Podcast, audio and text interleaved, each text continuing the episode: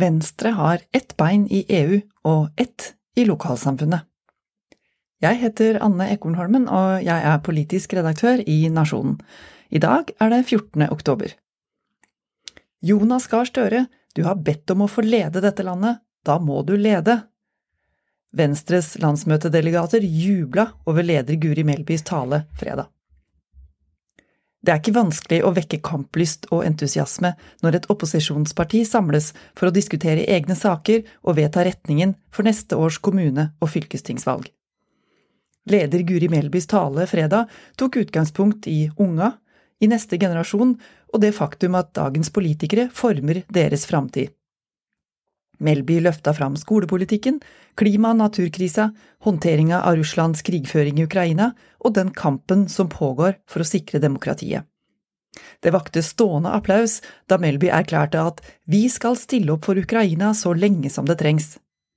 Det er det knapt noen på Stortinget, eller i andre partier generelt, som er uenig i, sjøl om Venstre liker å beskrive seg sjøl som i front her. Melby framhever ofte, og gjerne, hvordan Støre-regjeringa sleper beina etter seg, som hun sier, og tok samtidig til motmæle mot dem som mener Venstre er hauker og krigshissere i sin offensive og utålmodige holdning til våpendonasjoner. Utenrikspolitikken fikk i det hele tatt god plass i partilederens tale, med utgangspunkt i at Venstre går inn for en ny EU-utredning. Det skal behandles på Stortinget neste uke, men partiet innrømmer sjøl at lite tyder på at de får flertall. Målet deres er uansett ny folkeavstemning og norsk medlemskap. Statsministerens positive holdning til EU blei direkte påpekt, med ønske fra Guri Melby om at Støre åpent skal gå i bresjen for å få Norge inn i unionen. Jonas Gahr Støre, du har bedt om å få lede dette landet, da må du lede. Den saken blir nok imidlertid liggende i bero så lenge Arbeiderpartiet regjerer sammen med Sp.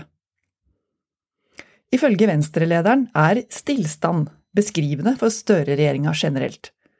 Forslaget til statsbudsjett for 2023 viser at Arbeiderpartiet og Senterpartiet går ett skritt fram og ett tilbake, sier Melby. Særlig for regjeringas klimapolitikk det glatte lag. Den vil få en vesentlig større plass og mer penger når Venstre skal legge fram sitt alternative statsbudsjett. Utslippskutt står høyere på Det grønne partiets prioriteringsliste også i konkurransen med det økende kraftbehovet både hjemme og internasjonalt.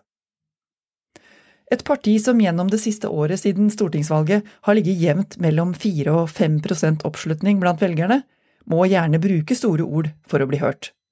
Det vakte begeistring i salen da lederen slo fast at denne regjeringa er midlertidig. Venstre vil ha makt. Hva slags regjeringsalternativ de vil gå til valg på i 2025, er det verre å bli helt klok på. Da Guri Melby var gjest i NRKs Politisk kvarter fredag morgen, var hun opptatt av at Arbeiderpartiet og Senterpartiet er hovedmotstandere, og ganske enkelt fordi de er regjeringspartiene per nå. Venstre vil, og skal per definisjon som opposisjonsparti, være et korrektiv. Et ja takk til regjeringssamarbeid med Høyre sitter løst. Forholdet til Frp derimot, og dermed utsiktene til et flertallsalternativ for ny regjering, synes ikke innenfor rekkevidde. I alle fall ikke når klimapolitikk er viktig for Melby. Men så er det altså tre år til neste stortingsvalg. Derimellom skal det velges 351 nye kommunestyrer over hele landet i neste års lokalvalg. I 2019 stilte Venstre liste i 235 kommuner. Det resulterte i at de fikk to ordførere, Gunnar Silden i Stad i Vestland og Lena Landsverk Sande i Vanylven i Møre og Romsdal. For å rette opp det og legge grunnlaget når alle Venstres lokallag skal lage sine program, skal den store, gjennomgående debatten på landsmøtet denne helga handle om grønne og levende lokalsamfunn.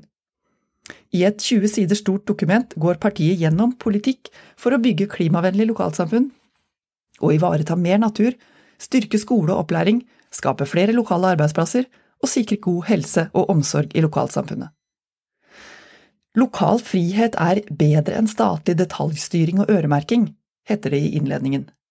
Allikevel er det mange formuleringer av typen Venstre vil at kommunene skal prioritere klimatilpasning, og Venstre vil at kommunene skal skifte ut sine fossile biler med nullutslippsbiler.